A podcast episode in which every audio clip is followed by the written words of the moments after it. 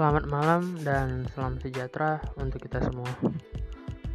Perkenalkan, nama saya Devil Doni Manik dari Prodi Logistik Perdagangan Internasional kelas LPI 1C.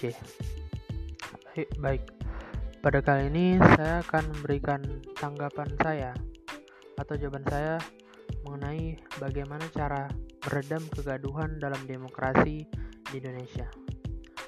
Tanggap jawaban saya, saya memiliki jawaban saya adalah tang 4. Yang pertama adalah mengintensifkan edukasi publik dalam menyikapi proses demokrasi pada publik. Dan yang kedua, membuat prosedur antisipasi sedini mungkin terhadap kemungkinan adanya potensi gangguan dalam setiap tahapan demokrasi. Dan untuk yang ketiga, membangun sistem respon yang cepat mengatasi gangguan keamanan dalam demokrasi.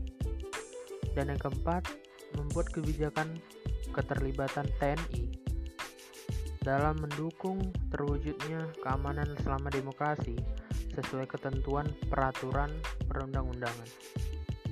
Dan sekian itu saja jawaban dari saya.